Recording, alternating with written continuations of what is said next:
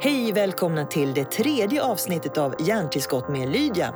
Faktum är att vårt eh, namn beskriver ganska bra det ni får när ni lyssnar på den här podden. Kunskap om det mesta i kort format med hjälp av fantastiska talare som gäster. Talare som alltså gästat föreläsningarna med samma namn får man väl säga då. Den här gången ska ni få höra en riktigt vass storyteller som påstår att man kan påverka våra hormoner genom våra berättelser. Det ska vi få höra mer om alldeles strax.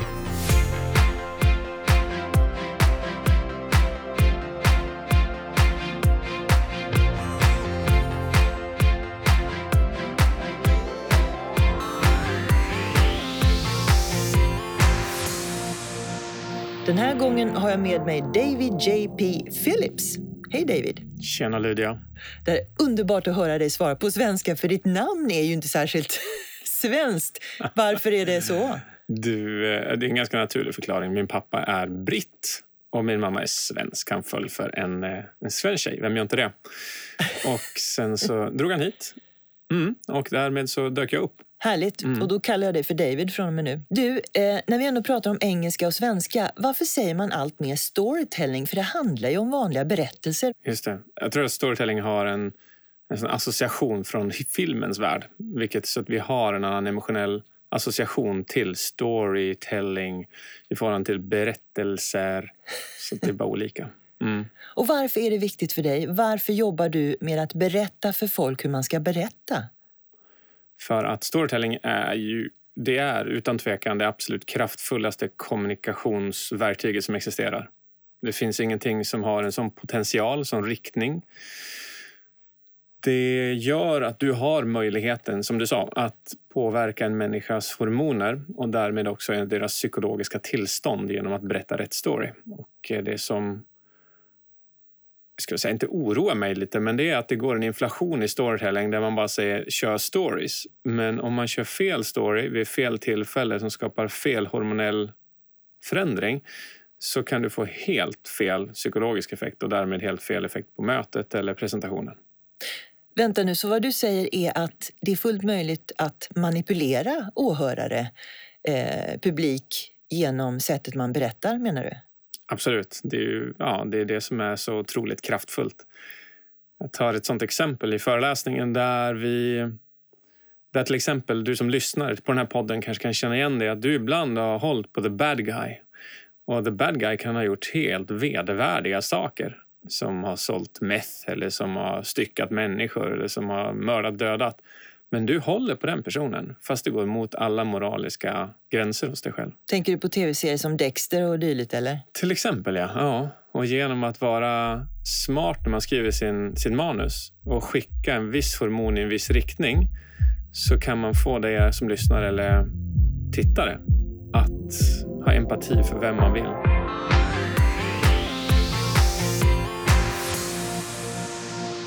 Tittar på de mest framgångsrika företagen där ute så är det att de har en story bakom sig. Ta som Zlatan till exempel. Han är ett företag i sig, i sig men han är ju för oss en story. Ingen av oss har ju träffat Zlatan. Vi har en story med Zlatan och när man associerar den storyn till en produkt så ökar värdet av produkten 500 gånger upp. Det är samma sak med att Apple är en story. Tesla är en story. När du bygger en story runt dig som person eller som produkt eller företag så kommer den att skapa ett enormt mervärde till det du säljer. Och det är den goda sidan. Sen finns det också naturligtvis säkert en farlig sida med att vara väldigt bra på det här. Mm. Det har vi historiskt sett. Hur kan man värja sig från det? Det är nog att vara, att vara klarsynt i det. Ett av hormonerna som många stories skapar är ju just oxytocin och jag nämner det i föreläsningen att om en manusskrivare riktar oxytocinet mot en viss karaktär i tv-serien eller i filmen så kommer du som tittare att heja på den personen. I stort sett oavsett vad moraliskt den gör för någonting. Som Breaking Bad där vi håller på en methlangare eller Dexter som är en styckmördare. Så man kan skicka vilken människans perspektiv åt i stort sett vilket håll man vill med oxytocin. Och det tragiska med oxytocin är att det är inte bara ett kärlekshormon, det är ett hathormon också. Vilket gör att rasism har visat sig ha en sannolik grund i oxytocin. Eh, så att det spär på oxytocinkraften. När man börjar känna hat från någon så spär oxytocinet på det hatet och gör det starkare och starkare och starkare. Så det finns två sidor till det hormonet. Vi trodde att det bara var en från början men det finns två. Mm. Men hur eh, kan man förklara då egentligen att till exempel eh, deckargenren och eh, eh, kriminalgenren där det är ofta väldigt blodsbeskrivande dåd som dyker upp i historierna. Varför är det så populärt när vi egentligen mår bättre kanske av något annat? Någon annan typ av historia? Ja, visst är det fascinerande. Men när vi tittar på en deckare eller tittar på en thriller till exempel så får vi ett bra rus av adrenalin. Hjärtat pumpar, vi känner oss levande, vi känner oss aktiva någonting vi sällan får känna i vår vardag. Vardagar tickar på från morgon till kväll och så plötsligt får vi känna så enorma skillnader i hur vi mår. Och det finns en beroendefunktion i adrenalin. Det är därför det kallas för adrenalin-junkies. Att man vill ha kicken hela tiden. Och den är så stark så att man strävar efter att få den mer och mer. Det får man till exempel via thrillers och eh, deckare. Medan man kan ju tycka att vore det då inte bättre att se en film som ger mm, serotonin som ett glädjehormon till exempel. Men effekten är inte lika omedelbar. Adrenalin känns mer. Eh, serotonin känns, det, är, en plattare hormon. Man, bara, man blir allmänt välmående men man får inte den där kicken. Du har ett företag som heter Presentationsteknik. Kan, mm. Kanske det mest osexigaste namn man kan tänka sig med tanke på vad du jobbar med. Vad, vad är det folk vill ha när de kontaktar dig? De Eh, ja, idag så är det ju som så att alla produkter är förhållandevis lika. Och det bästa sättet att differentiera produkter på det är att kommunicera dem på två olika sätt. Och den som är bäst på att kommunicera sin produkt vinner. Och det kan till och med vara så att produkten kan vara sämre men är den rätt kommunicerad så vinner de ändå. Och då är storytelling en av de sakerna som jag tränar i. Och annars är det presentationsteknik och kommunikation. Att hur du helt enkelt som ledare eller som säljare eller som utbildare får ut ditt budskap så att det trollbinder andra människor och får dem att verkligen ta action. Mm. Du banade ju ganska mycket väg när eh, ditt TED-talks eh, var den mest nedladdade i Europa när du eller Norden ska jag väl säga, nu ska vi ta det lite lugnt här med mm, geografi. Norden får, Norden får det bli. När eh, titeln var eh, Avoid Death by Powerpoint. Just det. Mm. Men du använder ju Powerpoint själv när du föreläser, mm -hmm. måste man ju tillägga. Det gör jag, helt rätt. Varför vill folk prata om Powerpoint när det inte är bra? Det är helt fantastiskt Powerpoint. Om det används rätt. Används det fel så är det fullständig katastrof. Det, det kan ta bort hela budskapet om det används fel. Men som sagt, använder rätt så är det helt suveränt. Hur ofta får du frågan? Om att? Om hur, hur, vad vill de ha råd med? Vad kan du ge för råd? De bästa tipsen för att göra en bra, en bra presentation? Det absolut bästa det är att tala från hjärtat. Det är där du förflyttar människor. Det andra bästa tipset är att se dig själv som det primära verktyget istället för Powerpoint. För det är dig de köper. Det är ditt leende, din ansiktsuttryck, dina ord. Det är dig de övertygas av, inte din Powerpoint. Så det största misstaget folk begår är att de tror att Powerpointen är en presentation, men det är det inte. Utan Powerpointen är bara ett visuellt hjälpmedel. Tredje bästa tipset. Jag skulle nog säga att spika din inledning. Var säker på hur du startar det gör att du kan få en helt annan trygghet i dig själv. Många gånger så kan det för vissa människor ta bort nervositeten. Att du har koll på din inledning. Finns det någon i historien eller någon som du har sett och hört som du tycker är outstanding när det gäller just presentationsteknik? Absolut, det finns det. Och jag, min absoluta favorit är en, ett snille transvestit och stand-up komiker som heter Eddie Izzard Eh, en, en, en brittisk sådan. Han är briljant. Han är briljant. Jag har en... Ehm, när jag coachar människor så har jag någonting som jag kallar för DP-modellen. Vilket går ut att jag tittar på en presentatör utifrån 130 egenskaper som jag under mina tio år i min karriär brutit ner en presentatör till. Och om man fyller alla 130 så är man per definition briljant. Du äger vilken situation som helst.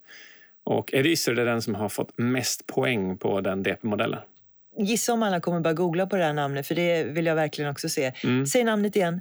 Eddie Izzard. Izzard, mm. underbart. Kan man vara en bra presentatör eller en bra kommunikatör om man är introvert?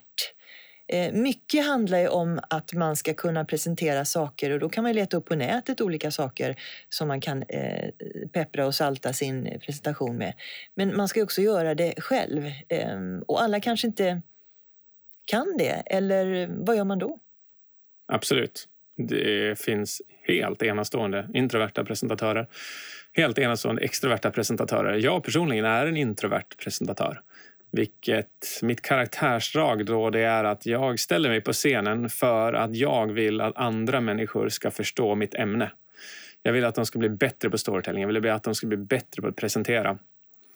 Och, för jag vet att det kommer tillföra så otroligt mycket i deras liv. Socialt, med barnen och i deras karriär. Därför står jag på scenen. Och Det gör att jag kan lysa på scenen. Men när jag går av scenen så, så kan folk kanske uppfatta att jag inte vill ha kontakt. Och Det är för att jag är inte en extrovert person. Och, eh, så det, det har inget sånt här... Eh, ibland så kan man nog feltolka det och tycka att en person nästan är schizofren. Men det handlar bara om att vi introverta brinner otroligt för ämnet. Men kanske inte just för det, det mänskliga mötet i, i alla avseenden. Om man vet om, för jag menar, man skulle inte kunna tro när man lyssnar på dig, det här är en egentligen introvert person, man tror ju tvärtom. Men om jag har kännedom om detta, hur kan jag använda det när jag träffar personer som är åt ena eller andra hållet? Oj, det är nog bara att ha respekt för att, eh, att de kan ha de här två olika personligheterna. Och att bara att respektera det kan göra otroligt mycket i din relation med den personen istället för att tycka så här, men vad konstigt. Den här personen är så fantastisk på, på scenen, talar så otroligt inför oss anställda men sen så får man inte den här riktiga kontakten. Och det kan mycket väl vara bara på grund av att man har de två olika personlighetsdragen. Mm. Mm. Du pratar ju väldigt mycket om hormoner i eh, din föreläsning och det finns ju en, en radda med hormoner. Mm. Eh, vad är det för hormoner som vi använder mest, som triggar mest när vi hör eller ser en berättelse? Vanligaste är dopamin. Dopamin är det där hormonet som gör att du bara vill ha mer, mer, mer, mer, mer. Du kan inte sluta titta. Det är det där som får dig att i slutet av en tv inte i slutet av en tv-serie, men ett avsnitt i en tv-serie så kan du känna så här, men jag måste se nästa, jag måste se nästa. Och så tittar du på klockan och så är den två mitt på natten och så tänker du bara, jag borde inte, men jag ska. Det är dopamin som gör att du vill göra det. Och en riktigt bra tv-serie, film eller presentation, presentation eller berättelse på scenen är byggd på mycket dopamin. Det här ha-begäret. Och hur kan jag lära mig vad som triggar dopamin då? Finns det någon eh, några speciella ord jag ska använda eller bilder eller hur funkar det? Nej, kanske inte ord och bilder specifikt utan det är bättre att du bygger förväntan. Att någonting ska komma. Då ökar det dopaminet. Bygga cliffhangers är väldigt klassiskt. Att du säger eller bryter mitt i en viss del i storyn och sen så tar du resten sen. Eller att du introducerar en karaktär som bara dyker upp men berättar inte mer om den förrän senare och så undrar man sig, men vem är det? Hur kommer den in i bilden? Mm. De är ganska bra. Och det tredje sättet skulle jag säga är motgångar. Ge din karaktär motgångar och du kommer också få ett ökat dopaminpåslag i din story. Någonting som händer så att det inte är helt självklart att det ska gå hur bra som helst för den här karaktären. Vad vill du egentligen eh, satsa på om man tänker så här, eh, en eh, ny föreläsare på Hjärntillskott? Vem skulle du vilja se? Så jag skulle ju gärna vilja att Eddie Izzard föreläste. Det gör han ju inte på det sättet. Men Barack Obama gör det. Så jag tror att det kan... Mm, jag hoppas på det. Hjärntillskott har tagit in fantastiska talare tidigare så att om det är någon som kommer göra det i Sverige så kan det finnas en chans att de gör det. Varför Obama? Jag kan tänka mig varför, men jag vill höra vad, du, vad, vad det är du går igång på när det gäller honom. Mm.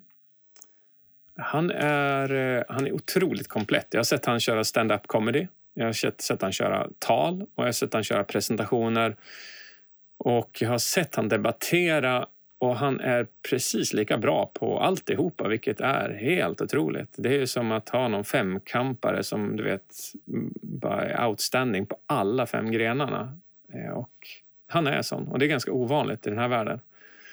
Sen så tycker jag också att han är makalöst trygg i sig själv när han kör det här och det tror jag är grunden till varför han kan klara så många olika discipliner.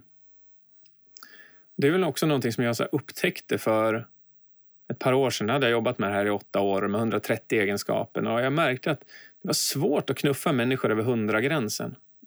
Man kunde komma upp till 100 och då är man fortfarande helt suverän. kan man fråga sig, vart kommer de andra 30 ifrån? Hur lyckas man ta det? Hur lyckas man bli som Obama och bli så trygg i sig själv?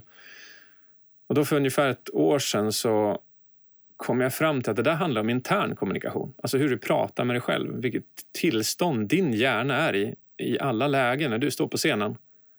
Och då skrev jag en kurs som just heter intern eh, kommunikation, eller den heter WOW egentligen, men den bygger på intern kommunikation. Och det är en, just en tredagars kurs där du får fantastiska redskap som Ja, för de som har gått den så kan man lugnt säga att den vänder upp och ner på, på hur hjärnan funkar. Först kallar jag faktiskt den för, eh, för manualen som Gud glömde skriva. Men det var tydligen lite kaxigt så jag tog tillbaks det. Men det är inte så långt ifrån det. För du får verkligen manual till hur funkar dina hormoner, hur funkar dina signalsubstanser och hur kan du tygla din hjärna så att den är det absolut bästa du har i alla lägen som du behöver den. Och det är rätt häftigt. Tack så mycket David JP Phillips. Eh, ni har lyssnat på Hjärntillskott med Lydia och jag hoppas ni är med oss framöver i våra kommande avsnitt. Hör oss med då. Lycka till David. Ciao, ciao. Hej då.